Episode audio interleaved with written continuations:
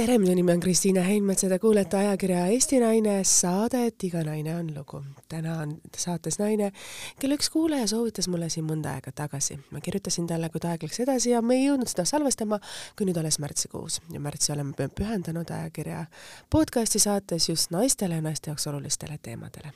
on teinekord teemad, mida me tahame jätta koduseinte vahele ja sealt väljudes me maname endale võib-olla peal ilusa naeratuse, kui on teinekord teemasid, mida me üldse ei tahaks kuidagigi, et nad paistaks välja kas või poole sõnaga või kuidagi teistmoodi, siis me teeme veel suurema naeratuse, aga mingil hetkel me tunneme, et me ei suuda enam naeratada. ja kas me tahame või ei taha, need teemad paistavad välja. Ja kui meie käest esimest korda seda küsitakse, aga kuidas on päriselt, siis me tunneme häbi, me tunneme sellist häbi, et meie varjamine veel suureneb. Ja mida läheb rohkem aega edasi, siis me lõpuks murdume ainult et sellel hetkel, kui me seda välja ütleme, oleme me ise juba jõudnud võib-olla sellisesse olukorda, et me ei tea enam, kuidas sellest rääkida, kas nuttes või naerdes või tundes erinevaid emotsioone täna on stuudios naine, kes on mõnes mõttes ise sellise teekonna läbi teinud ja tema tänane töö on seotud valdkonnada, valdkonnaga, et aidata teisi naisi, et see, mis koduseinte vahes ei oleks osa meie elust, vaid me julgeksime sellega, sellest rääkida, otsida abi ja minna oma elus edasi kõige paremates teekondades. Tere tulemast stuudiosse energiaterapeut, Osho meditatsiooni tegija Laura Valk, ma loodan, et kõik oli õige. Piisavalt õige. Väga armas, sa oled ka kaksikute ema, kes on alles pisikesed aastased, nii et ma imestan, et sa leiad aega, et leida, tulla ka siia podcasti. muidugi. aitäh, et kutsusite.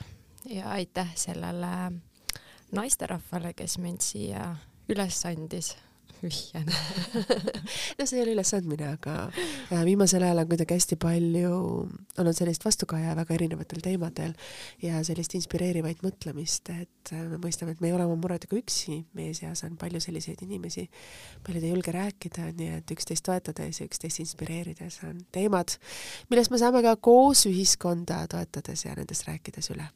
aga lähme nüüd nende teemade juurde, äh, räägi mulle, mis asi on energiaterapeut, mis ta, millega ta tegeleb? Äh, mina oma töös siis äh, tegelen kõige enam lapsepõlvetraumadega. enamus äh, saab kõik sealt alguse, probleemid, mis meil täiskasvanuna on. tegelen peresüsteemide, noh, liinide, mustrite korrastamise, tervendamisega. ja lisaks ma olen tegelikult ka naiste enesearmastuse õpetaja, kuidagi ma olen siia rolli sattunud läbi enda kogemuste ja valu. ja põhirõhk ikkagi jah, ongi traumade, traumade tervendamisel. mis on need suurimad traumad, mida sa oled täheldanud, et me lapsepõlvest kaasa võtame, et me võtame lapsepõlvest alati kaasa selle headuse aga on ka võib-olla teinekord detaile, mida me üritame endas maha suruda ja neid peita ja nagu sa ütlesid väga ilusti, et kui me saame suuremaks, siis need võivad meis väljenduda olukordadena, mida me ei suuda hallata ja mis ei pruugi olla üldse pahad, aga me ei oska ka teistmoodi ennast äh, väljendada. et mis on need lapsepõlvetraumad, mida sa, mis on nagu kõige suurema jälje jätavad? no äh, ma alustaks sellest, et traumad ei ole üldse sellised suured, tohutult hullud asjad on ju, et, et kodus oleks olnud iga päev jooming või mingisugune vägivald, vaid äh, trauma jääb meile ka näiteks siis, kui äh, ma ei tea, isa ei osta poes jäätist. Ja noh, mina väikse tüdrukuna siis näiteks mõtlen, et issand, et ma ei saa seda jäätist, sest ta arvab järelikult, et ma ei ole seda väärt ja sealt tekib trauma või uskumus nimega ma ei ole väärt. väga lihtne. kliendid, kes äh, igapäevaselt käivad, põhimõtteliselt äh, ei ole vahet, mis teemaga nad tulevad, on see siis ületöötamine, on suhteprobleemid, äh, sõltuvused, hästi palju on ka toitumisteemadega naisi siis see list uskumusi, mis lõpuks siis kirja saab, on suhteliselt sama ma ei ole väärt, ma ei ole oluline, häbi, süütunne. Ähm,, tunne, et ma ei olegi armastatud üleüldse, ehk siis armastuse puudus on näiteks kõikide sõltuvuskäitumuste aluseks enamasti. Äh, tunne, et ma ei, et ma ei saa ennast väljendada, et mul ei ole turvaline suud lahti teha, noh, naistele ju väga tuttav teema onju. hoidke suu kinni, olge viisakad, olge toredad. ja no sinna juurde tulevad ka uskumused üldse selle kohta, et milline peaks olema paari suhe, milline peaks olema naine, milline peaks olema mees ja kui äh, see kodune keskkond on lapsepõlves olnud hästi nagu dramaatiline või selline või külm, vastupidi, on selline külm sõda kodus olnud, onju, siis äh, me võtame selle nagu normaalsuseks. Ja sest see on ainukene informatsioon, mis meie alateadvusel on. et kui ma olen üles kasvanud näiteks kodus, kus iga päev tülitseti, kakeldi, joodi siis ma võin küll öelda, et oi, mina küll kunagi niimoodi ei tee, nagu minu ema tegi, onju. või et mina olen küll parem naine, kui äh, ma ei tea, minu ema oli. aga mu alateadvusel ei ole muud infot. ja kui ma sõnastan selle enda jaoks niimoodi, et mina tahan olla sellises suhtes või sellises, noh, siis saab juba asi liikuma hakata, aga üldiselt me ei oska neid asju sõnastada ja pigem vastandume oma vanematele aga sealt tuleb ainult jama mitte midagi head ei tule. mis mõttes me hakkame vastanduma oma vanematele, et äh, mis on need käitumismustrid või mis on need teatud teemad, mida sa oled ise täheldanud, mis on põhilised?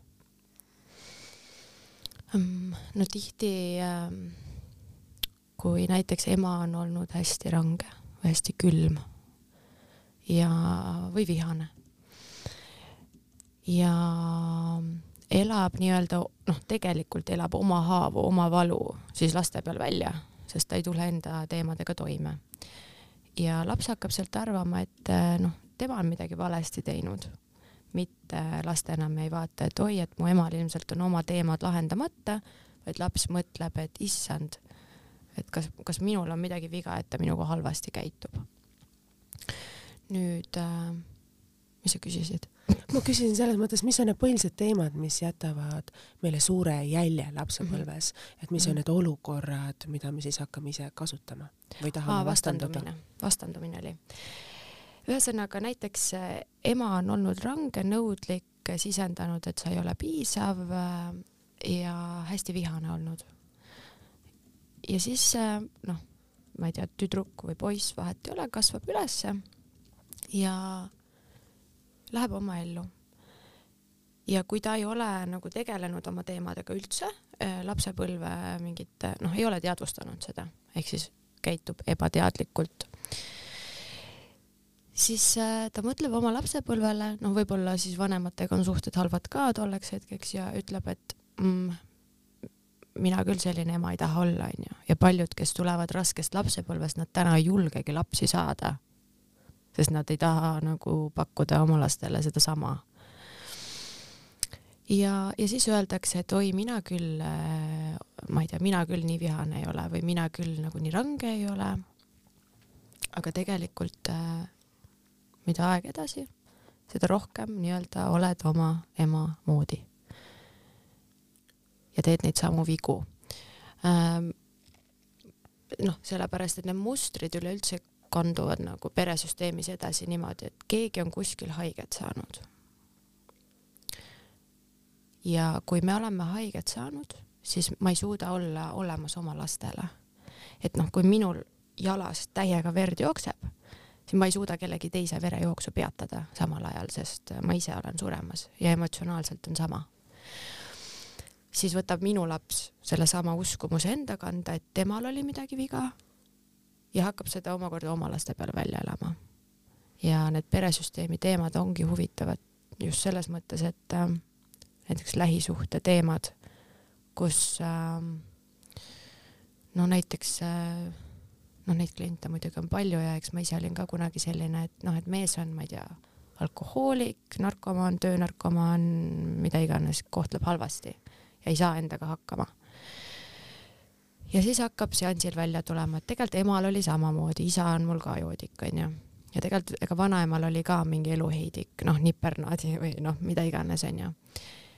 ja siis äh, tuleb alateadvusesse info nagu kätte saada inimesel, et kust siis see kõik alguse sai, milline naine seal peresüsteemis on see siis vana, vanavanaema, vanavanavanaema, kes sai meestelt niimoodi haiget, et ta võttis endale uskumuse, et mehed on mõttetud, kõik mehed on, ma ei tea, sitapead ja selleks, et siis oma lapsi kaitsta, sa annad alateadlikult selle uskumuse edasi.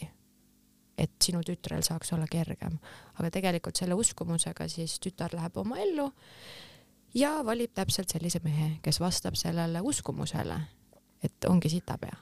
ja siis alateadvus saab öelda, näed, oligi õigus, emal oli õigus, onju. ja niimoodi see kandub siis edasi. et kui vaatama hakata neid asju, siis äh, põlvkondade vahel on nagu sarnasusi küll. muidugi häid asju kandub ka edasi, et positiivsed mustrid ja armastus kandub ka.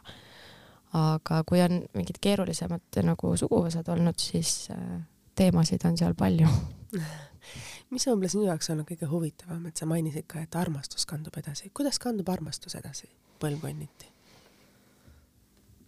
mm.? mul on näiteks äh, käinud äh, kliente, kellel on mingid teemad ja tuleb välja seansi käigus, et äh, need ei tulegi ta vanematelt. Tihti juhtub niimoodi sportlastel, no kui me räägime tippspordist, kui lapsed on hästi varakult pandud igasugustesse trennidesse ja noh, võib-olla veedavad trennis rohkem aega kui kodus onju, siis kõik need treenerid või lapsehoidjad või koduabilised, kes laste elus figureerivad, on ka peresüsteemi liikmed. ja laps on ka nende peresüsteemi liige mõnes mõttes. ja siis ongi tippsportlastel äh, hoopis võib-olla tuleb see peresüsteemi töö teha tema treeneri suguvõsaga onju, kellest ta ei tea mitte midagi, aga sealt on kandunud siis talle ka uskumus, äh, et sa ei ole piisav või et äh, armastuse puudus tegelikult meie lapsi mõjutavad ka teised inimesed, kes nende ümber on. ja vanemate poolt on nagu kõik okei okay.. noh, proovisin ükskord kaevata küll, et noh, et äkki ikka tuleb kuskilt isalt nagu tavaliselt, aga ei. isa, emaga puhas armastus, kõik voolab. Et äh, on ka selliseid peresid nii et see ümbrus, kuhu me laps sünnib ja mis seda ümbritseb ja ka need treenerid, et äh, ka sealne kanduv energia on siis see, mis mõjutab meie lapsi mm. -hmm kui palju see on või kui suurelt see on, et sa ütlesid, et kui kodus on lakse vähem ja treeneri juures ollakse rohkem, et kui palju nagu sa ise täheldad seda, et on seda siis pigem heas mõttes on see hea või halvas mõttes on halb? no näiteks kui äh, ma ei tea, lapsel ei ole isa või isaga midagi juhtunud. Ja poisslapsel eriti. Ja kooli ajal on näiteks mingi meestreener mm, -hmm. on see jalgpall või noh, mis need tavalisemad äh, alad on mm, -hmm. siis see on väga hea, sest ta näeb sealt, ta saab seda meesterahva eeskuju onju, on need siis vanaisad, onud, mingid äh, ema sõbrad või treenerid aga nüüd võiks siis vaadata, et need inimesed, noh, üleüldse, kes meie lapsi ümbritsevad ja me ise ka oleksid emotsionaalselt terved. et äh, noh, kunagi siis, kui veel mina laps olin ja sellest varem, oli ju normaalne jätta igasuguste sugulastega lapsi hästi vara, varakust east, sest pidi tööl käima, noh, mis on arusaadav, see on mõistetav. aga see avas hästi suure ukse seksuaalsele väärkohtlemisele. Ja ega see uks ei ole täna nagu sulgunud. et eh, kui, kui me vanematena oleme nagu hästi hõivatud kas oma siis, ma ei tea, hingevaluga, südamevaluga või tööasjadega või millega iganes, siis keegi teine võtab nagu justkui selle vastutuse. ja nüüd oleks siis hea veenduda, et see inimene seda vastutust ei kuritarvita, et ta ei karju meie laste peale, onju. Noh, las-, lapsehoidjatest on ju netis videosid küll olnud, kus raputavad neid beebisid. et, et selleks nagu võiks vaadata keda me valime oma laste ümber. sul on endal aastased kaksikud, nii tütar kui poeg, et kui palju sa ise jälgid selliseid teemasid, et inimesed, kellega su lapsed kokku puutuvad, et kui sul on see teadmine olemas, et kas sa teed seda teadlikult, alateadlikult või oled ka sa mõistnud, et teatud inimeste energia ei sobi sulle ja sa hoiad ka oma lapsi sealt eemale? no minu lapsed äh, puutuvad kokku väga väheste inimestega ähm,. miks no, sa, miks sa oled selle otsuse teinud ähm,? miks sa oled selle ringi nii väikese? Üks põhjus on see, et ma ise ei ole nagu tohutult sotsiaalne, mul on noh, mul on oma see paar, paar inimest, kellega ma suhtlen ja nemad ka puutuvad mu lastega kokku ja seal ma tean, et noh, on okei okay. Äh, meil on lapsehoidjad, kaks tükki hetkel ja siis nad on oma vanaemadega koos. see on nagu siis see põhi, põhiring. ja need inimesed on usaldusväärsed. muidugi mm, noh, siin on nagu põlvkondade erinevused ka sees, mida noh, mina tahaks täiega vältida, aga lõpuni ei saa, sest ma ei saa minna nagu oma, ma ei tea, laste vanaemat või oma ema kasvatama. aga need on ka need, et näiteks ma mäletan, kui noh, nad olid mõlemad siis väiksemad, aga äh, sündides oli tüdruk oli raskem kui poiss.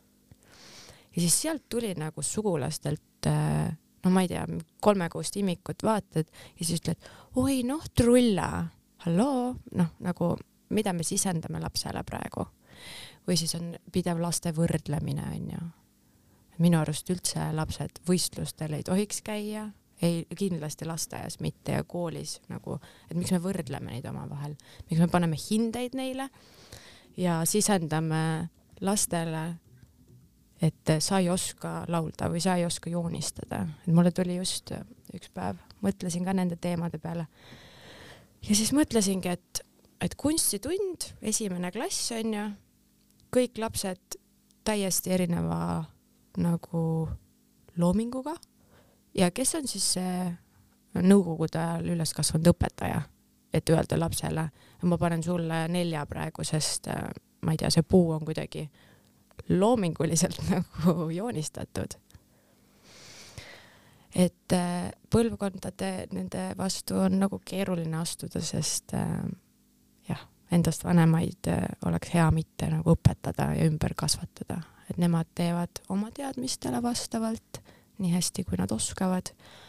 aga no mul endal hakkab natuke nagu silm võib-olla tõmblema, et kui ma kuulen jälle nii enda laste kohta mingeid selliseid hinnanguid või üldse teiste laste kohta hinnanguid ja võrdlusi ja et noh, et mis, mis vanusest ta sul ikka kõndima hakkas, onju. ei, aga ma ei tea, minu naabrilaps hakkas küll kaks kuud varem no,, keda huvitab las nad kasvavad rahus, jumal, jätke rahule, lapsed, tegelege oma asjadega. iga laps hakkab käima mingil hetkel, iga laps hakkab sööma ja hambad kasvavad ka siis, kui nad kasvavad ja ise otsustavad. just. Aga see, mida me sisendame neile, on see, et sul on midagi viga. miks sa juba ei loe näiteks? lugemine on ka, no ma ei tea, miks sa juba ei loe, kas sa juba tähti tunned? noh, mul on sõbranna, kellel on kaheaastane laps ja tema õpib lugemist praegu, sest talle meeldib aga selle, selle võrra siis ma ei kujuta ette, et ma enda lapsi diskrimineeriks, et kuulge, et võtke kokku ennast, hakake lugema nüüd. üheaastasena. noh, et äh, see noor poiss oligi aastane ja ta tundis tähti. tuli meile, näitas mulle B, O, T onju. ma pidin peast kinni hoidma. noh, mina ei viitsi oma lapsi täna niimoodi nii varakult nagu lugema õpetada ja see on minu vastutus emana, mitte et ma diskrimineerin oma lapsi, et, et ei ole piisavalt head, ei ole sama head kui naabrilapsed lapsel võiks olla lapsepõlv ja see võiks olla võimalikult loominguline ja kui laps soovib midagi, siis emadena täita nende unistused, et mitte neid võib-olla suruda nendesse raamidesse, vaid täita nende unistusi. mina ise nagu pean väga lugu sellest, et kui on kokkulepe lapsega, siis kokkulepet tuleb täita. et varajases vanuses juba õpetad lapsele distsipliini, et tal on oma rutiin, mida sina siis emana tagad ja eeldad ja loodad, et see usaldusväärne rutiin kandub üles su lapsele, et tema peab seda normaalsuseks, et distsipliin ja tavaline asi see, et iga hommiku ma pesen hambad, iga õhtul ma pesen hambad, sellistest väikestest asjadest, et kuidas sa ise vaatad, et mis on need rutiinid või asjad, mida sina pead terapeudina väga oluliseks? olulised on äh, kõik need rutiinid, mis tagavad selle, et laps saaks ühiskonnas hiljem hakkama. et kui me tahame olla ühiskonnaliikmed noh, kui ma ei ela oma lastega kuskil metsa sees või džunglis onju, vaid ma tahan, et me elaksime siin Tallinnas. noh, siis ongi hambapesu, no on oluline, muidu teda hakatakse koolis kiusama mm. -hmm. juukseid võiks pesta duši all võiks ka käia. et ma mäletan oma kooliajast, kus noh, olime kõik sellised puberteetikud ja ja need lapsed, kellel ei olnud kodus seda nagu hügieeniõpetust tehtud, noh, neid, neid noritigi ja polegi mitte midagi teha. minu kohustus emana on nagu tagada see, et mu laps tuleb oma seal miniühiskonnas ehk siis koolis või lasteaias toime. et äh, jah. ja rutiin ja turv-, noh, rutiiniga ja distsipliiniga lastel kaasneb ka selline turvatunne Mm -hmm. et näiteks pered, kus noh, ema-isa elavad eraldi ja on mõlemas kodus nagu hästi erinevad nõudmised. ühes kohas võid teha kõike, teises kohas siis saad selle piitsaga onju, et pead õppima. kuidas seda olukorda nagu lahendada ja kuidas nagu see parim vanemlus oleks? no see ongi lapsevanemate omavaheline teema, aga laps lõpuks kannatab ähm, oluline oleks siis luua mõlemas kodus sarnased tingimused, istuda maha ja läbi rääkida, kui mitte muu, muul viisil siis panna paberi peale mm. -hmm. no see, siin ongi nagu vaja seda teise poole vastu austust, et isegi kui me läheme lahku mm, -hmm. siis äh, me teeme nagu kõik endast oleneva, et äh, lapsel oleks okei okay.. sest mis juhtub siis, kui äh, äh, noh, seda nagu ühtlast joont ei hoia, okei okay,, muidugi esimene reaktsioon lapsel on, et ma tahan olla seal, kus mult ei nõuta midagi mm. -hmm, aga ega seal noh, tegelikult ju lappab asi. et äh, ja laps saab sellest nagu mingil alatead-, teadlikul tasandil aru. et lõppude lõpuks ta tunneb ennast turvaliselt seal, kus tal on mingid nõudmised, kus äh,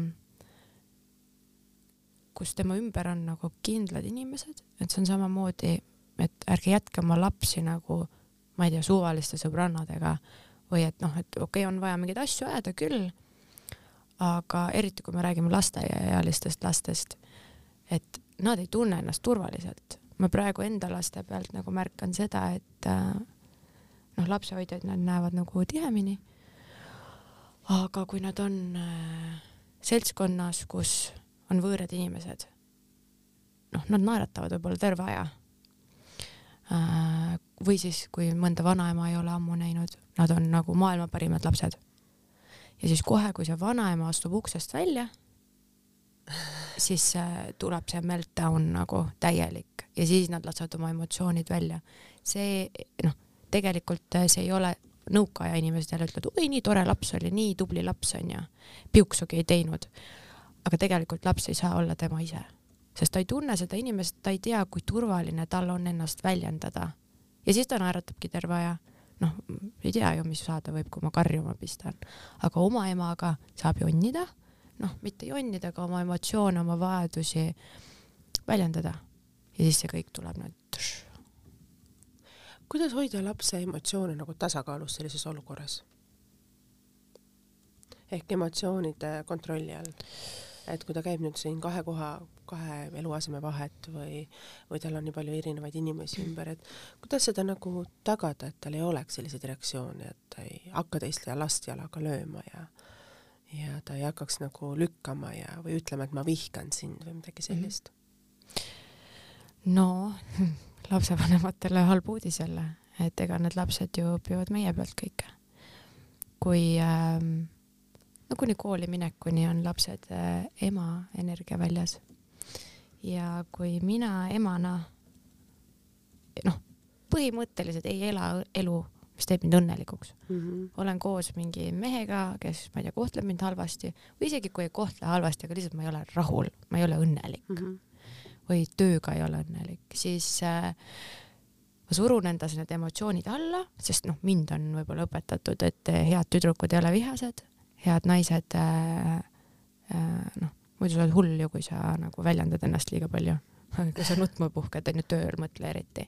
et ennast väljendada naiste puhul ei ole okei okay., aga mehed, no võivad nagu äh, augu seina lüüa või ropendada, aga ühesõnaga äh, kuidas on, kuidas me jõuame sinnamaani, et äh, et me läheme paarisuhtesse, meil on, kõik on hästi ja suurepärane ja siis mingil hetkel ongi see, kus äh, üks osapool tuleb mustrisse, ütleb, sina ole vait, mina võin teha, mida ma tahan. kui kiiresti selline asi on tulemas? see on Eestis väga levinud kahjuks, et nagu ma seda alguses ka ütlesin, pannakse uks kinni ja naeratatakse väljaspool ust, aga see, mis koduseinte vahel tuleb, see on häbiasi, sellest ei tohi rääkida. ja ma tean täpselt, millest sa räägid äh, see, kui kiiresti, see on nagu, see on erinev, aga noh, kõikidel selles suhtes äh, ma olen äh, naiste suhtes nagu karm äh,, klientide suhtes ma olen karm äh,, noh, nii-öelda õpilaste suhtes ma olen karm et kõikide naiste, kõik naised ei saa kodus jalaga, ei verbaalselt ega füüsiliselt. Ja kui mina, noh, ma toon siis nagu enda loo siia sisse, sellepärast et muidu kuidagi õpetan teisi liiga palju äkki. ei, see on väga hea, see ongi selle märtsikuu saadete eesmärk, et me naistena saaksime sellist sügavamat eneseusku ja enda väärtustamist ja ennast väärikana tundma, et on, okei okay mm -hmm. eksida, on okei okay kukkuda, aga alati hoida seda päikest silmapiiril, et alati on see meie enda otsus. Ja nii, nagu me seesmiselt tunneme, millal me tahame püsti tõusta ja kui vaja, me võtame selle aja maha, oleme iseenda emotsioonidega, saame nendest üle ja homme paistab võib-olla päike, kui mitte homme, siis võib-olla nädala pärast. no ja mõnel läheb kümme aastat ka. jah, absoluutselt okay. ähm,. asi on nagu selles, et äh, siin tulevad jälle mängu need lapsepõlve uskumused mm. -hmm. kui äh, ma ei tea, kui isa on ära läinud või noh, ei pea isegi siuksed dramaatilised asjad olema, kui ma lihtsalt tunnen, et ma ei ole võib-olla piisav või ükskõik, mida ma teen, ükskõik kui palju ma tööd teen või kui palju ma meie sokke kodus pesen, onju, ikka ma ei ole piisavalt hea. või siis, et ma ei olegi armastust väärt või ma ei ole oluline, siis ma tõmban endale lihtsalt ligikaaslaseid, kes peegeldavad mulle nagu seda valu. Noh, sest inimesena meie eesmärk on areneda. ja praegusel ajal ma vaatan küll, et enamus naised, noh, vähemalt need, kes minuni jõuavad, onju. seal on see eneseväärtustamise teema ja enesearmastuse teema äh,, piiride teema. ja miks? ongi sellepärast, et noh, lapsena meid õpetati, et naistel ei tohi olla mingeid piire lastel ei ole mingeid piire, onju, et lastesse suhtuti ja paljud suhtuvad ka tänapäeval nagu mingitesse, ma ei tea, alaväärsetesse, noh, kellegi omandisse, onju. ja, ja siis nende keeruliste suhete eesmärk on eranditult saada jälle kätte oma vägi, leida üles see armastus enda vastu need vägiva-, noh, tõesti vägivald, okei okay,, seda on erinevat äh, tüüpi, onju, aga kui me räägime üldiselt vägivallast, siis vägivaldsed suhted, see ei ole mingi hingesugulus äh, selles võtmes, et, et ei ole määratud eluks ajaks kokku jääma, mitte ükski inimene ei sünni siia ilma eesmärgiga kannatada elu lõpuni või saada peksa elu lõpuni. aga neil suhetel on nagu isiklikus arengus ülioluline roll. noh, mõnel kulub viis sellist suhet, minul kulus kolm ainult vedas. et ähm, kui sind koheldakse nagu piisavalt kaua halvasti või ebaaustusväärselt äh,, noh, mis iganes äh,, mis see skaala meil on, onju, siis äh, sisimas ma tean, et see on vale tean, et see ei ole õige, ma tean, et ma ei ole sellist käitumist ära teeninud ja see ei ole nagu hingetasandil okei okay.. ja siis naistena see ebaõiglus onju ajab meid vihaseks. aga me ei väljenda seda viha ja siis me nagu keeme seal kodus niimoodi. ja sellega panustame sellesse dünaamikasse tegelikult nagu kaasa, et me ei tee suud lahti isegi kui teeme suu lahti, noh, kakleme vastu, onju, et ega naised jaksavad ka lüüa või sõnadega haiget teha. aga tegelikult, kui see ei muuda midagi? see ei muut-, no see teeb asju hullemaks äh,. aga ma ikkagi vist iga hetk pigem virutaks vastu, kui laseks ennast lihtsalt lüüa. vähemalt seisaksin enda eest. aga see ei ole nõuanne ähm, et äh, kui leida nüüd üles see, et see kannatuse piir mm, -hmm. kõigil on see erinev äh,, noh, see vajadus kannatada on ka erinev, aga kui see kannatuse karikas saab täis ja sul on nagu päriselt kopp ees siis sellest sinna mehest, tema rahast, no mida iganes ta sulle pakub, onju, mis see alati on hea põhjus, miks me oleme selles suhtes, kõigeks on hea põhjus. ja seda ma räägin ka, okei okay,, oled kehvas suhtes, aga mida sa saad sealt suhtest? mõtesta see end nagu, mis on see konks, mille otsas sa oled. noh äh,, on see siis äh, majanduslik turvatunne, on see see, et ta tegelikult, ma ei tea, siis pühapäeviti toob lilli, onju, on jube nunnu mees, et noh, mind on ka, ma ei tea, noh, läbipeksud on koledasti öeldud, aga mul on nagu füüsiliselt väga palju haiget tehtud ja siis seesama mees viis hommikul mind traumapunkti. ja siis me tulime sealt juba välja käest kinni, sest mul oli nii hea meel, et ta mind viis traumapunkti. Aga noh, et see on siis see hea põhjus, miks seal suhtes edasi olla, et ta tegelikult hoolitseb mu eest. aga korra juhtus, pole hullu. nojah, jah. ja ma täna mm, mõtlesin enne siia tulekut mõtlesin ja mul tunne oli selline, et kuigi see vägivald ja, ja kõik see on nagu raske teema ja ega väga paljud nagu need spirituaalsed teejuhid ja õpetajad sellest ei räägi, sest noh, ega mina ei taha ka sellest rääkida, see ei ole täna enam minu elu ja aga kui keegi sellest ei räägi, siis me nagu pigistame silma kinni, et tegelikult on väga suur osa ühiskonnast, kes kannatavad ja kes vajavad nagu just ka selle teema kohta. et kui sa oled seal augus, ükskõik milline see auk siis äh, nagu sinu jaoks välja näeb, siis sul ei ole kasu sellest, et keegi kuskil räägib, et Laura Valk räägib podcast'ist, et jube zen on, et hakake mediteerima, olge õnnelikud ja nautige päikest. ja siis see noh, see ei aita neid inimesi, kellel on raske ja sellepärast ma siis täna siin räägingi teile vägivallast sest keegi peab sellest rääkima. ma arvan, kui me naistena vaikime, siis ühiskonnas ei muutu mitte midagi. kui me räägime üksi, siis see on üks kaja kuskil ühiskonnas eksisteerivana. Kui me ütleme juba kahekesi, kolmekesi ja juba kui ütleme tuhandekesi, siis see on sõnum, mis jõuab ka laiemale üldsusele ja alles siis hakkavad ühiskonnas asjad muutuma. ja niimoodi me saame ka muuta tegelikult ka ise seda mustrit et kui me oleme ise eeskujud oma lastele -hmm., olenemata olukorrast, situatsioonist, me õpetame oma poegadele austama naisi mm -hmm. ja ütleme, et ei, et teatud asjad, olenemata, mida sa oled oma elus näinud, ei ole okei okay,, ei ole sobilikud mm. -hmm.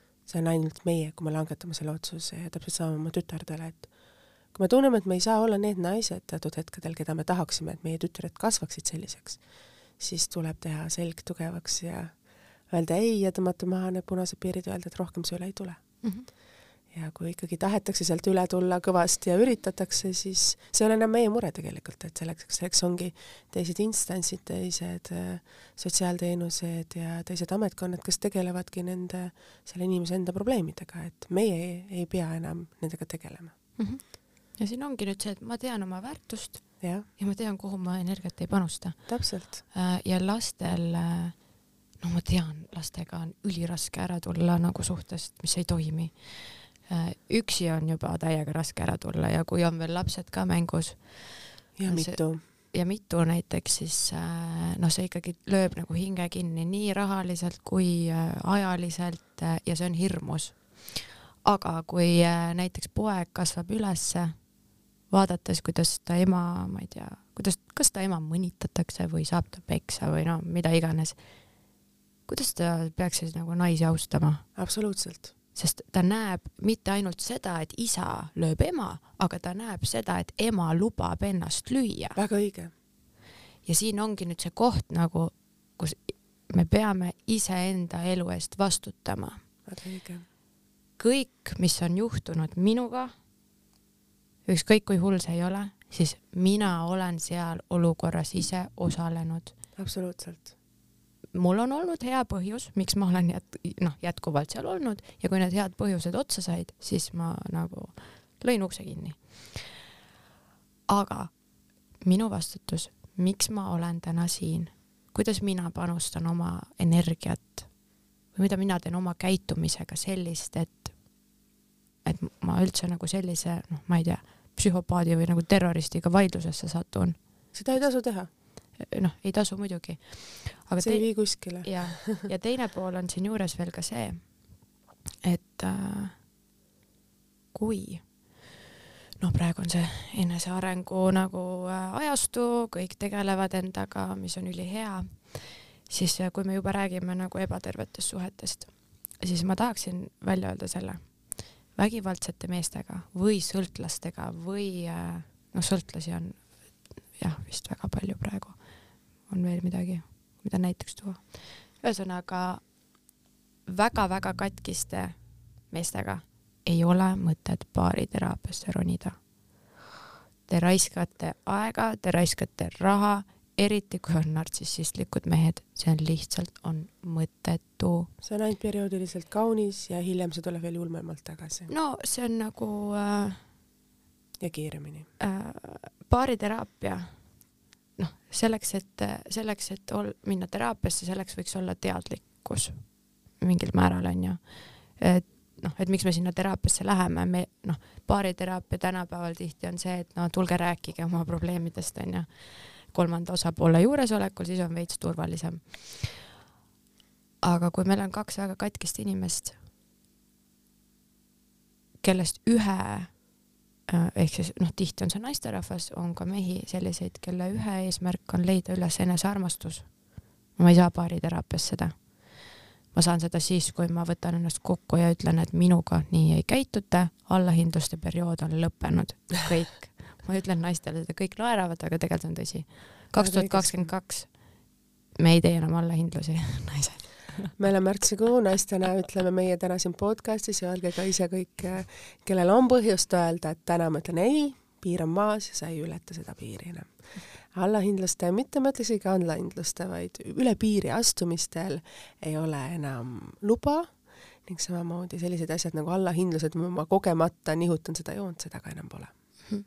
ja selle otsuse me saame ainult teha teha ise, iseendaga kokkulepe ja see nii kehtib mm. -hmm.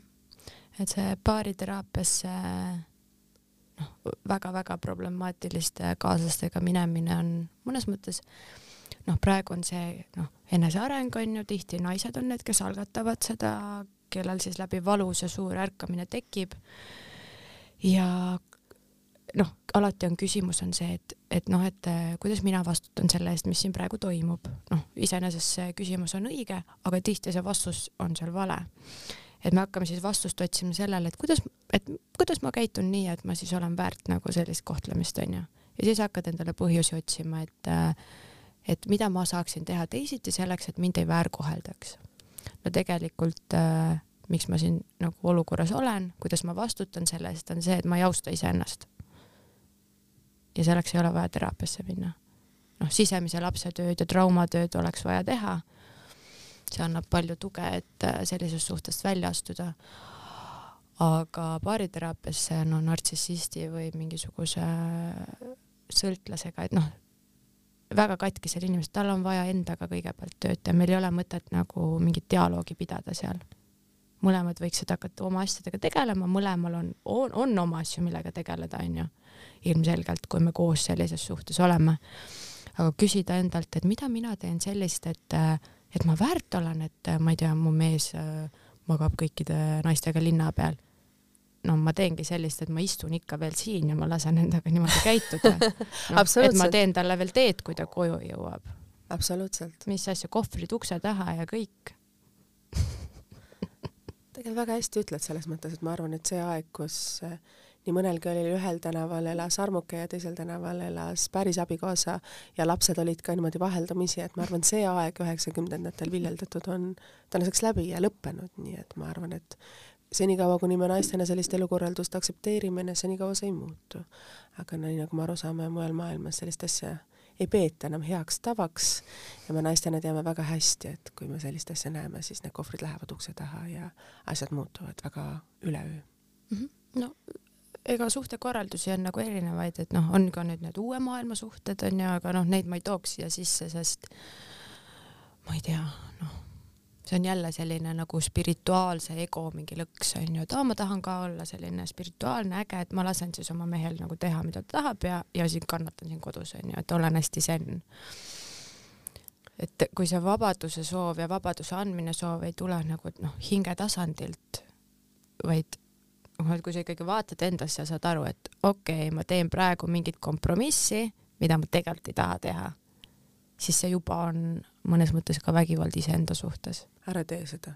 just, et mehi on palju äh,, mehi on iga nurga peal, vahetevahel küsitakse mu käest, Laura, kust leiab normaalseid mehi et äh, mul äh, jah, oligi paar päeva tagasi käis klient, kes noh, oli tõesti, ma ütleks täitsa masendunud juba sellest, et äh, noh, bioloogiline kell tiksub ja, ja tal ei ole nagu meest Mm, vähemalt mitte sellist, nagu ta tahaks, onju, kes kohtleks teda hästi et kust leiab normaalset meest. siis äh, paar päeva hiljem tuli klient, kellel on viis kavaleri kõik kohtlevad teda nagu kuningannat, kannavad käte peal, naistepäeval oli viis kimpu ja siis ma ütlesin, no nüüd ma tean siis, kus need normaalsed mehed on need on sinu juures onju. et tegelikult äh, ei ole mõtet klammerduda nende poolkõvade suhete külge ükskõik, kas koheldakse halvasti või mitte, aga kui ma tunnen, et ma ei tea, ma olen siit õige. välja, ma olen siit välja kasvanud. et see ei ole õige enam. just, just, see ei ole enam minu jaoks õige. Siis ükskõik kui raske see on, siis mine, lase ennast vabaks, lase see teine inimene vabaks ja meie kõigi jaoks on olemas see inimene, kes sobib meile nagu valatult.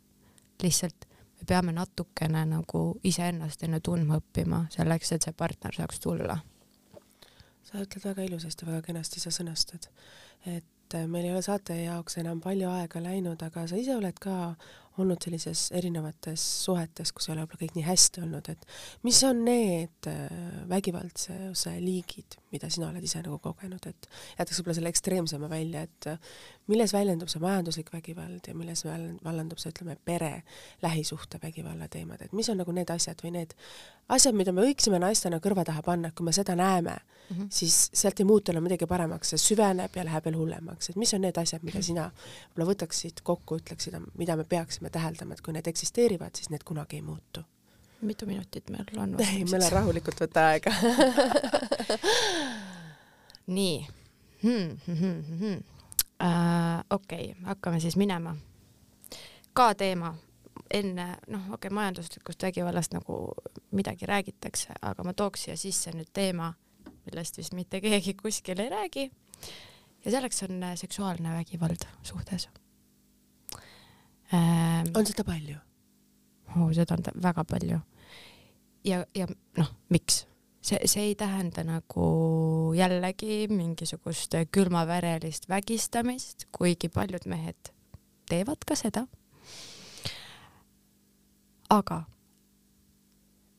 kui, kui me lähtume nüüd sellest, et, et ma olen kui üks tervik, minu keha on osa minust, minu emotsioonid, minu hing, noh, ühesõnaga ma olen üks tervik ja ma ei ole lihtsalt mu keha, mida keegi saab nagu kasutada erinevatel otstarvetel, siis äh, kui noh, meil on ühiskonnas nagu mingid hoiakud või, või, või, või sellised uskumused, et näiteks noh, et kui sa oma meest nüüd korralikult ei rahulda, onju, no siis ta läheb ikka küla peale.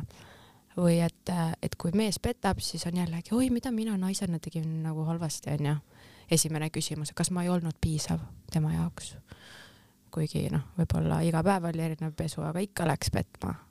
noh, siis see on mehe enda probleem ja sina paki kotid, onju, jällegi. aga igasugune ka see, et tegelikult ei taha täna vahekorras olla aga surud hambad risti ja teed ära. sest tunned, et pead, see on abielu naise kohustus näiteks. see on ka seksuaalne väärkohtlemine. ja tihti nagu noh, okei okay,, saaks jälle mehi süüdistada, aga ei saa ka kahjuks, sest mehed tihti ei saa arugi. no nemad mõtlevad, jah, jälle pahast tujus onju, ja kui ei ole teadlik mees nagu nendest teemadest teadlik, siis noh, siis ta ei saagi võib-olla aru, et ega võib-olla ei hooli ka. aga need on jällegi minu piirid, piiride kehtestamine. Ei, ma täna ei soovi. ma ei taha, et sa mind nagu katsud, onju. ja nüüd ongi see, et noh, et heas suhtes või õnnelikus suhtes muidugi võiks armastus ikka voolata ja hommikust õhtuni nagu hullame ja teeme kõiki asju. aga näiteks kui on väiksed lapsed või naine on rase või äh, palju tööd, mida iganes, siis naine on ka inimõigustega isiksus suhtes, ei ole ainult mehe vajadused et meid õpetatakse kuidagi nagu mingid naiste ajakirjad ja, ja noh, selline nagu mingi kirjandus justkui õpetavad meid, et kuidas olla nagu võimalikult seksikas, kuidas teha meest õnnelikuks, kuidas üldse saada mehele, mitte et mees tuleb ja saab minu endale, vallutab, onju, vaid kuidas mina saaksin mehele ja kindlasti enne kolmekümnendat eluaastat. ja siis tunned, et ja siis tunned, et pead hästi palju vastutulekuid tegema. aga meestele, noh ei meeldi. ole õnnelik, et sa oled, said endale just, mehe. just, et peaasi, et ta suudab nagu see äh, hea mingi pereisa või nagu provider inglise keeles, noh, et ta suudab nagu leiva lauale tuua, et siis sul on, noh, need on meie vanaemade ja vanavanaemade uskumused tegelikult. aga seksuaalne vägivald ähm,, jah, ja see, kui ikkagi nagu asi läheb nutmiseni ja selleni, et sa väljendad naisena seda, et äh, sul ei ole nagu hea olla ja sealt edasi minnakse partneri poolt, siis on ka pakikotid kohe. see mees ei hooli sinust, sinu vajadusest, sinu tunnetest ega sinu turvatundest ja see ei ole turvaline suhe.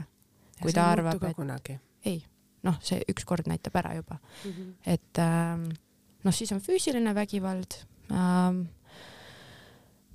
ka okei okay,, ühe korra juhtub, kui juhtub, kui juhtub teist korda, siis äh, ka kotid äh, pakitud ja lähme laiali, et ei ole mõtet, ei ole mõtet minna baariteraapiasse, sest ta ei muutu. ta ei muutu. Ja noh, ma ei taha nagu, ma ei taha olla nagu noh, seksistlik selles suhtes, et mehed on alati süüdi.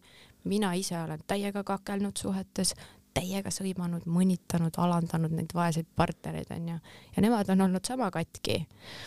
lihtsalt kui tema mind lööb, siis äh, see on jällegi ühiskondlikult nagu kuidagi vaadatakse viltu sellele.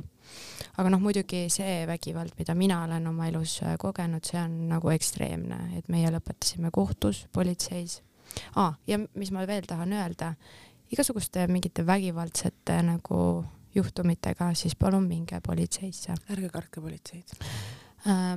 ma hakkasin täna mõtlema äh,, et noh, et äh, see politsei teema üldsegi ja noh, see kõik võttis nii kaua aega ja ja lõpuks äh, sai noh, mitte ma ei ütleks võib-olla õiglane karistus, et seal oli ikkagi kü kuni kümme aastat nagu reaalset vanglat, röövimist ja igasuguste muude paragrahvidega lisaks nagu löömisele siis mida mina tegin, oli see, et ma ronisin alati EMO-sse, ma tegin alati pilte, ma salvestasin kõike ja lõpuks need kõik asjad läksid kasutusse. kõik haiglas käigud, kõik, ma olin reisidel peksa saanud, kõik need asjad olid lõpuks tõendid. ehk siis ärge kartke politseid, isegi kui teid ähvardatakse, paljud mehed ütlevad, ma ei tea, ma rikun su elu ära, no vanglast on seda raske teha, kallike. et äh, palun seiske enda eest. mitte keegi teine ei tule teid päästma, ei tule ema päästma, ei tule isa päästma, ainult teie ise saate nagu iseennast päästa. just, et äh, kes on vägivaldses suhtes, palun kogu tõendeid ja mine politseisse ja nagu noh, miks me muidu makse maksame, halloo, laske kaitsta ennast siis. eriti kui on lapsed, siis äh, noh, siin ei ole enam aega, et äh, kui me vaatame, mis ühiskonnas toimub siis eh, noh, siin võib järgmisel nädalal eh, ka pomme taevast hakata alla sadama, et kas ma siis noh, kas sa sellel hetkel siis mõtled, et oo, nii hästi elatud elu. ei mõtle ju, kui sa oled tegelikult olnud õnnetu. et meil ei ole aega siin oodata seda õnne, et äkki kunagi satub ka minu sülle. ja lootust on, alati on, alati läheb paremaks, aga endale tuleb ausalt otsa vaadata ja leida endasse jõud ülesse aitäh sind, aitäh sulle nende ilusate sõnade eest, aitäh sellise kokkuvõtte eest, et me ise saame oma elu ilusaks teha, ärme karda mitte midagi, julgeme välja öelda, nii nagu olukorrad on ja oleme ausad eelkõige iseenda vastu, siis on elu ka meie vastu aus ja õiglane. Aitäh sulle veel kord, et sa saatesse tulid, see oli imeline, ma arvan, et me saaksime siit vähemalt viis erinevat saadet iga ala pealkirja osas teha, aga see oli võib-olla meie sissejuhatav saade, nii et ma loodan, et kui teil on kallid külalised midagi öelda, kirjutage ja siis see teema, mis teid võib-olla paelub kõige rohkem, saab olema ka meie võib-olla järgmise podcasti saade. just, jube lühike saade. oli, kõigest äh, tund aega, peaaegu. Aitäh sulle veel kord, aitäh teile, kallid kuulajad, saade on ikka sa saadaval ja kuulatav, nagu ikka Delfi taskukeskkonnas SoundCloudis ja Spotify's. kohtume teiega juba nädala pärast, aitäh sulle ja aitäh teile, kallid kuulajad! aitäh!